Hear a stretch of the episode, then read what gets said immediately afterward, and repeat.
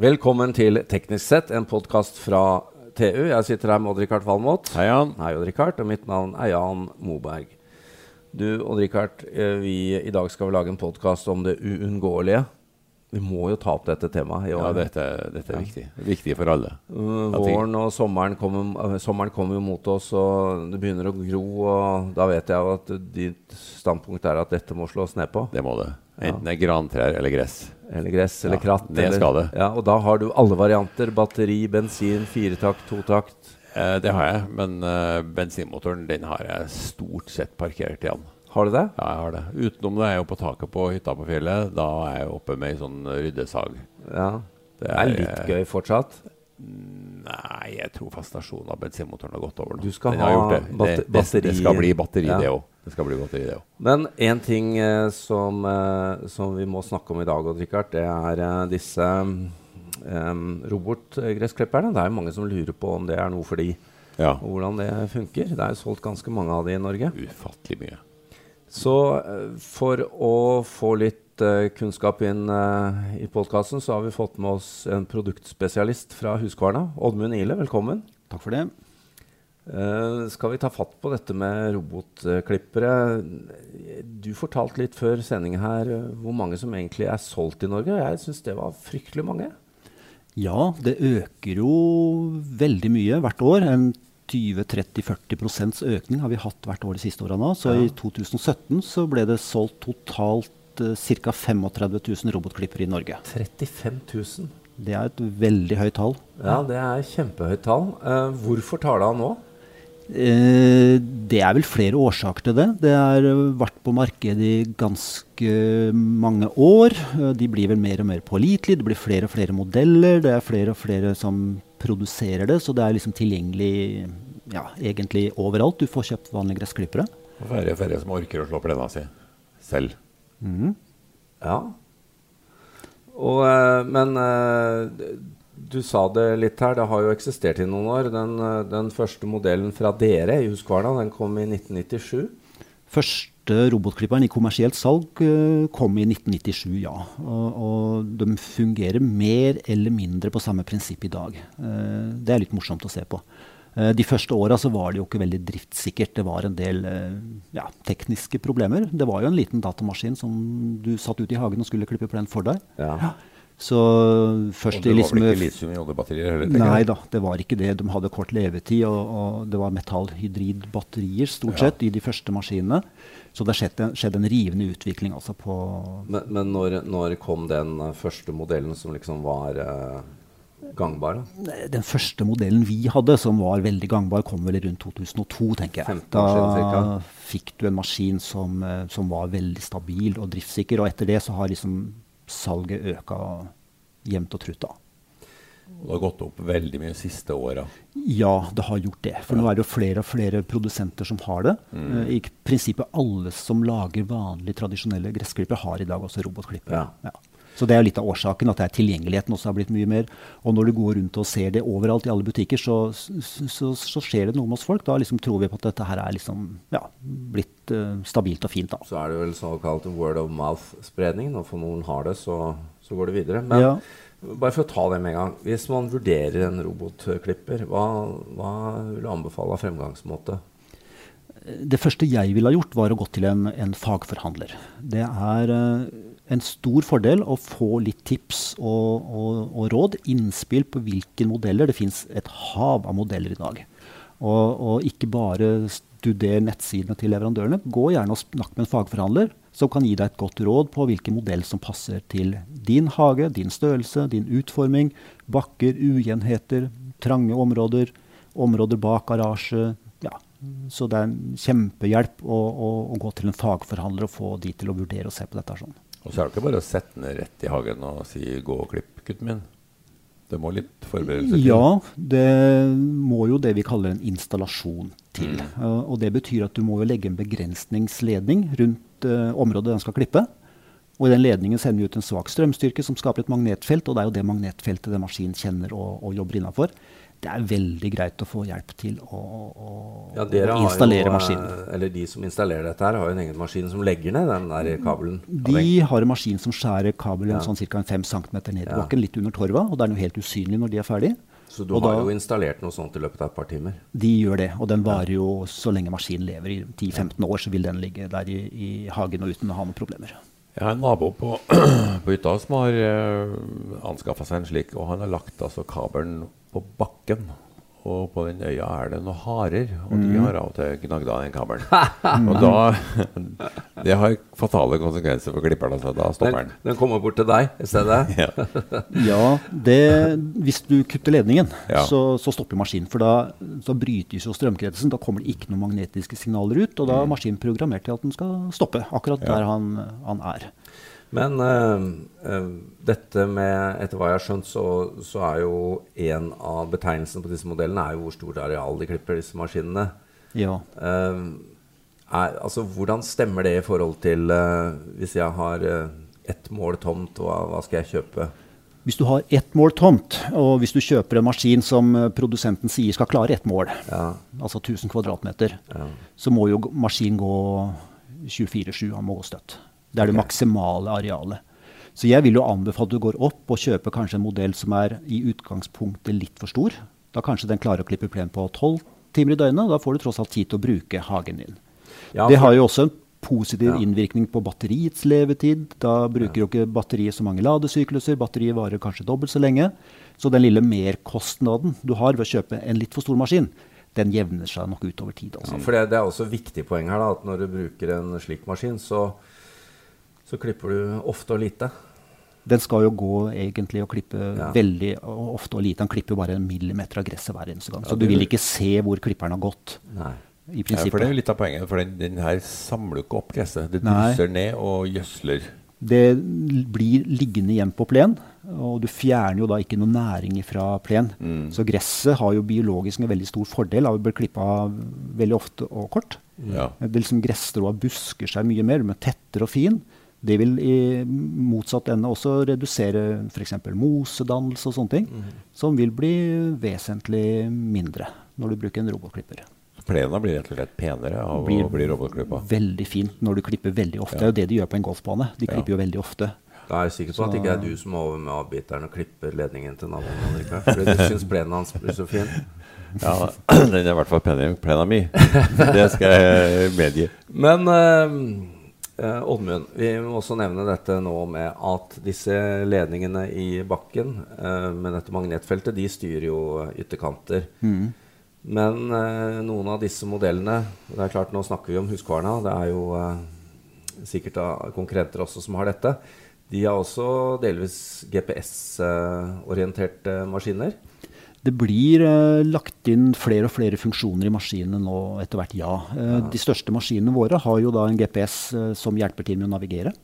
Som sørger for at den er like mye foran ladestasjonen som bak garasjen og Ja, for da under husker trampolina. du hvor på plenen den har vært, og Den- hvor den ikke har vært på en stund. Tegner et digitalt kart over hagen, og så Ja. forsyner maskinen da ut, uh, ut ifra det, det digitale kartet som lagres i maskinen, ja. De har vel sikkert med en GPS også. De har sikkert aksometer, gyroskoper og mye sånt. De har masse sensorer som viser hvor bratt det er, og Ja. kollisjonssensorer og løftesensorer. Hvis du løfter den to centimeter, så stopper den. Altså det er bygd inn masse sikkerhet i disse maskinene etter hvert også. Ja. Det er jo eh, en, en annen egenskap med disse er jo eh, at eh, de kan klippe eh, når det ikke er så mye folk hjemme. Den kan jo klippe Det er veldig lydløst. De stilleste maskinene eller, som vi har, de bråker rundt Eller bråker, det er jo ikke støy. De har et lydnivå som ligger på rundt 58-59 desibel. Og det er, det er veldig lavt. Det er uh, ikke noe problem å la den gå på natterstid. Nei. Du vil ikke høre, du vil ikke forstyrre naboer. Eh, du hører en svak susing bare. Det har jo vært snakk om at sånne klipper av og til er en trussel for dyrelivet. Ja, det har Det det, vært pinsvin, uh. Ja. veldig mye fokus på, ja. Ja. Uh, altså Det største trusselen mot pinnsvin er jo fortsatt biltrafikken vår. Ja. Det er de som tar mest. Ja. Problemet med robotklippere er relativt lite. Uh, det jeg vil anbefale hvis du har, er så heldig å ha det i hagen din, la klipperen ikke gå på natta. For det er jo da de er aktive. De er, gjemmer seg på dagtid, er ikke mulig å se. Nei. Det er i skumringen på kvelden de kommer fram. Og da er det også fordel å kjøpe kanskje en litt for stor maskin, for da kan den gå på dagtid. Ja. Så kan den stå i ladestasjonen natta og ikke vil det være noe trussel i hele tatt. Mm. Så det er egentlig et veldig lite problem. Ja, det, har vært et, det har vært mye snakk om det i England, vet jeg. Ja. Ja. Det, er jo, det er jo klart at eh, det vil jo, når noen får noen bilder av noe sånt, så sprer det seg jo fort. Ja, et nyklipt gress. eh, Ny- Pinnsvin er ikke noe stas. ja. Jo da, men har du, er du så heldig å ha pinnsvin i hagen din, så la klipperen stå i ro på nattestid, så er det problemet egentlig løst. Ja. Ehm, litt om vær. Uh, disse klipperne de fungerer jo De klipper jo også når det er vått. Ja, de skal klippe gresset også når det er vått. Eh, gresset har ikke noe, det tar ikke noe skade av gresset å, å klippe når det er vått. Maskinen gror litt mer igjen med gress, men det vil jo dette når det tørker igjen. Eh, fordelen med å klippe når det er bløtt, er jo at du eh, du får en maskin som går og klipper hele tiden. altså så klipp, Det er nyklipt uansett. Det er ikke sånn at når det har regna en uke, så har du kjempehøyt gress. Det er nyklipt uh, hele tiden. Så det er bare en fordel. Selve klippeprinsippet det er altså en disk som spinner rundt med tre sånne barberblad-skarpe Ja, kniver på. Det ser jo nesten litt primitivt ut. Ja, Ja. det er en liten eh, en disk med tre barberblader på som roterer rundt. Og når klipperen går på plen, så går den også i et veldig merkelig mønster. Den går i et veldig vilkårlig mønster. Har ikke noe sånn symmetrisk og systematisk mønster den går i. Går som en sånn huggeren kråke i prinsippet, på kryss og tvers. Og fordelen med det er at den kommer godt innimellom overalt. I krinkelkroker så er du sikker på at den liksom får dekka plen. da. Mm. Og vi vil jo ikke at det skal bli spor Mønster. Nei. mønster. Så at den hele tiden klipper gress fra forskjellige vinkler, så blir plen som et sånt fint Det har vært litt debatt eh, mellom produsenter der, ser jeg, om hva som er riktig klippemønster. Ja, men de fleste som lager robotklippere, har dette vilkårlige mønsteret. Ja. Ja, altså det er vilkårlig, men, eh, men samtidig så husker den hvor den ikke har vært på en stund. Sånn at den, ja, den har eh, Eller kartlegger, da. Kartlegger plenen, ja, Ja. stemmer. Så, men Odd Rikard, du var inne på dette her at det nå kommer eh, modeller som uh, bruker LIDAR. Ja, jeg var faktisk og snakka med den konkurrenten, Ryobi, i eh, forrige uke. Og de utvikler nå en modell med LIDAR. og Det betyr at du, du slipper da å, å ha den ledningen. Du kan la klipperen gå, gå litt rundt og sjekke, lage det her kartet. ikke sant? Og så kan du få kartet opp på en app, og så kan du geofence på kartet. Så forteller du klippen hvor, hvor den skal gå og ikke gå. Mm. Og da, altså Fordelen er jo selvfølgelig at du slipper denne prosessen med å, å, Grave å ned grave ledningen. ned kabelen. Og det, det kan jo koste litt. Og, Ja da, en installasjon vil alltid koste, og, og utviklingen går jo veldig fort. Ja. Så det blir veldig spennende å følge disse robotklipperne også i åra som kommer. Vi har hatt fram til nå en veldig stor utvikling, men den stopper jo ikke. nei, Nei, det blir uh, Snart så serverer den gin tonic på sommeren òg, Richard. Det syns jeg hadde vært en veldig fin eh, tilleggsfunksjon, ja. Men Oddmund, vi må jo komme inn på her nå at um, dette med at Huskvarna er store på robotklippere, og den nye teknologien er jo litt fascinerende, fordi dere har jo en uh, historie som begynte tilbake i 1689. Ja, faktisk. Uh, Det er jo et sted i Sverige som heter Huskvarna. Der er det en liten foss. Mm. Og den klarte jo kongen i 1689 å, å benytte, og starta produksjonen av våpen. Ja, Det har vært våpenproduksjon og smie der våpen. borte. De svenske kongene var noen aggressive De var litt jævler, altså. krigerske de en De periode. De ta Norge og Danmark. Og. Ja. Så det har vært uavbrutt produksjon da i Huskverna fram til nå. Fra 1689. Ja, og da, og da er det jo, eh, for å dra det tilbake til uh, hovedtemaet i dag, så, så er det jo Dere har jo produsert gressklipper i mange år òg. Ja. og eh, bensinklipperen er fortsatt uh, der. Eh, ja, den produseres ikke i, i Sverige, men vi produserer jo veldig mye motorsager der borte. Eh, ja, vanlige tradisjonelle bensinmaskiner selges det fortsatt en god del av, selv om det er uh, reduksjoner selvfølgelig i det. Men den vanlige tradisjonelle gressklipperen og denne tradisjonelle hagetraktoren som du sitter på og kjører, Ja. De går jo mye tilbake når det selges så mye robotklippere. Ja, Så robotklipperne tar fra det sitteklippermarkedet? Mest fra Mest- sitteklippermarkedet, mest ja. det, ja. Det er ikke så mye sitteklippere i uh, Norge. Det er liksom det ultimate av latskap. Det, så. Men altså, det er klart, robotklipperen er enda, enda et skritt i den retning. Det må jo Men i USA så er det mye sitteklippere. I. USA er det veldig stort, ja. Ja. ja. De har jo ofte litt større plener, større hager, enn det Ja. vi har i Bruker Norge. dem til uh, nærbutikken òg? Så bruker vi det på en litt annen måte, ja.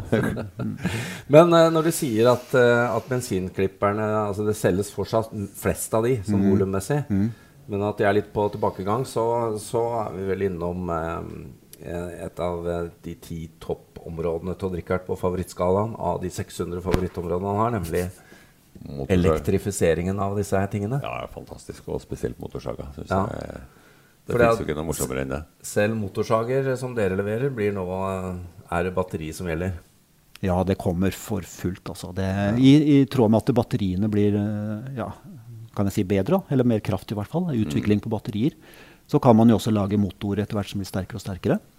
Så det er også et veldig spennende felt å, å følge med på. Det, Det er kommer til å skje veldig mye. det skjer At det blir proffsager ut av det. Men Ja. for alle amatører så er batterisaga alternativet. Altså. Det er et kjempesmart alternativ. Både motorsag, men også disse kantklipperne og hekksakser og blåsere Ryddesager. og ryddesager og alt dette her som kommer for fullt med batteri.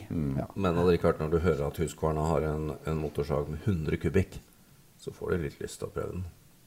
Det hadde vært moro. Men jeg har, jeg har jo sett også en del klipp eh, på YouTube hvor de har altså bygd om svære V8-ere. ja, Det, var- det var altså, du må to mann til å løfte. da kanadiske Ja, de konkurranser. klipper en meter stamme på ti sekunder. Dere, jeg tror vi skal gå inn for landing, men uh, vi må bare spørre deg til slutt, uh, Oddmund, på, på dette her med elektrifisering. Uh, Odd Rikard, jeg har jo spådd eh, stempelmotorens død, ikke sånn i løpet av neste år, men på sikt kommer det også til å gjelde for disse verktøyene her?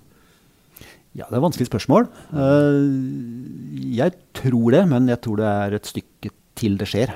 Eh, når vi sitter sånn og spår framover, så går nok ikke utviklingen alltid så, som, eller så fort som vi spår, altså. Men dette, dette, den utviklingen på disse robotklipperne har jo gått veldig fort nå de siste par årene. Ja da, de siste Akselerert fem årene for så vidt har akselerert veldig. Og det, det kommer vi til å se på dette med batteriprodukter også. Ja. Og innenfor de da litt mindre maskintypene så kommer det til etter hvert å, å ta helt over. Der det kommer til å være igjen eh, bensin, det er på de litt større profesjonelle maskinene en god stund framover. Ja. Ja. Men du nevnte at selv, selv, i, eh, selv på store, eh, altså svære plener i kirkegårder så kommer også robotklipperne nå, i proffutgave.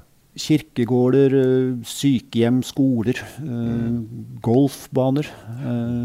Ja, det kommer for fullt. Det finnes også i dag profesjonelle utgaver av disse robotklipperne som er beregna for den type kunder. Det blir batteri, batteriene. Det blir batteri. Det blir batteri. Jeg tror vi får bare fastslå det. Og så og så får vi, vi tar det etter sommeren når det har grodd mye og du virkelig må rydde opp, så skal vi lage en på andre elverktøy. Som vi bare må ha, Jan. Ja, som vi bare må ha. Oddmund Ile, takk skal du ha for at du stilte opp. Vær så god, bare hyggelig.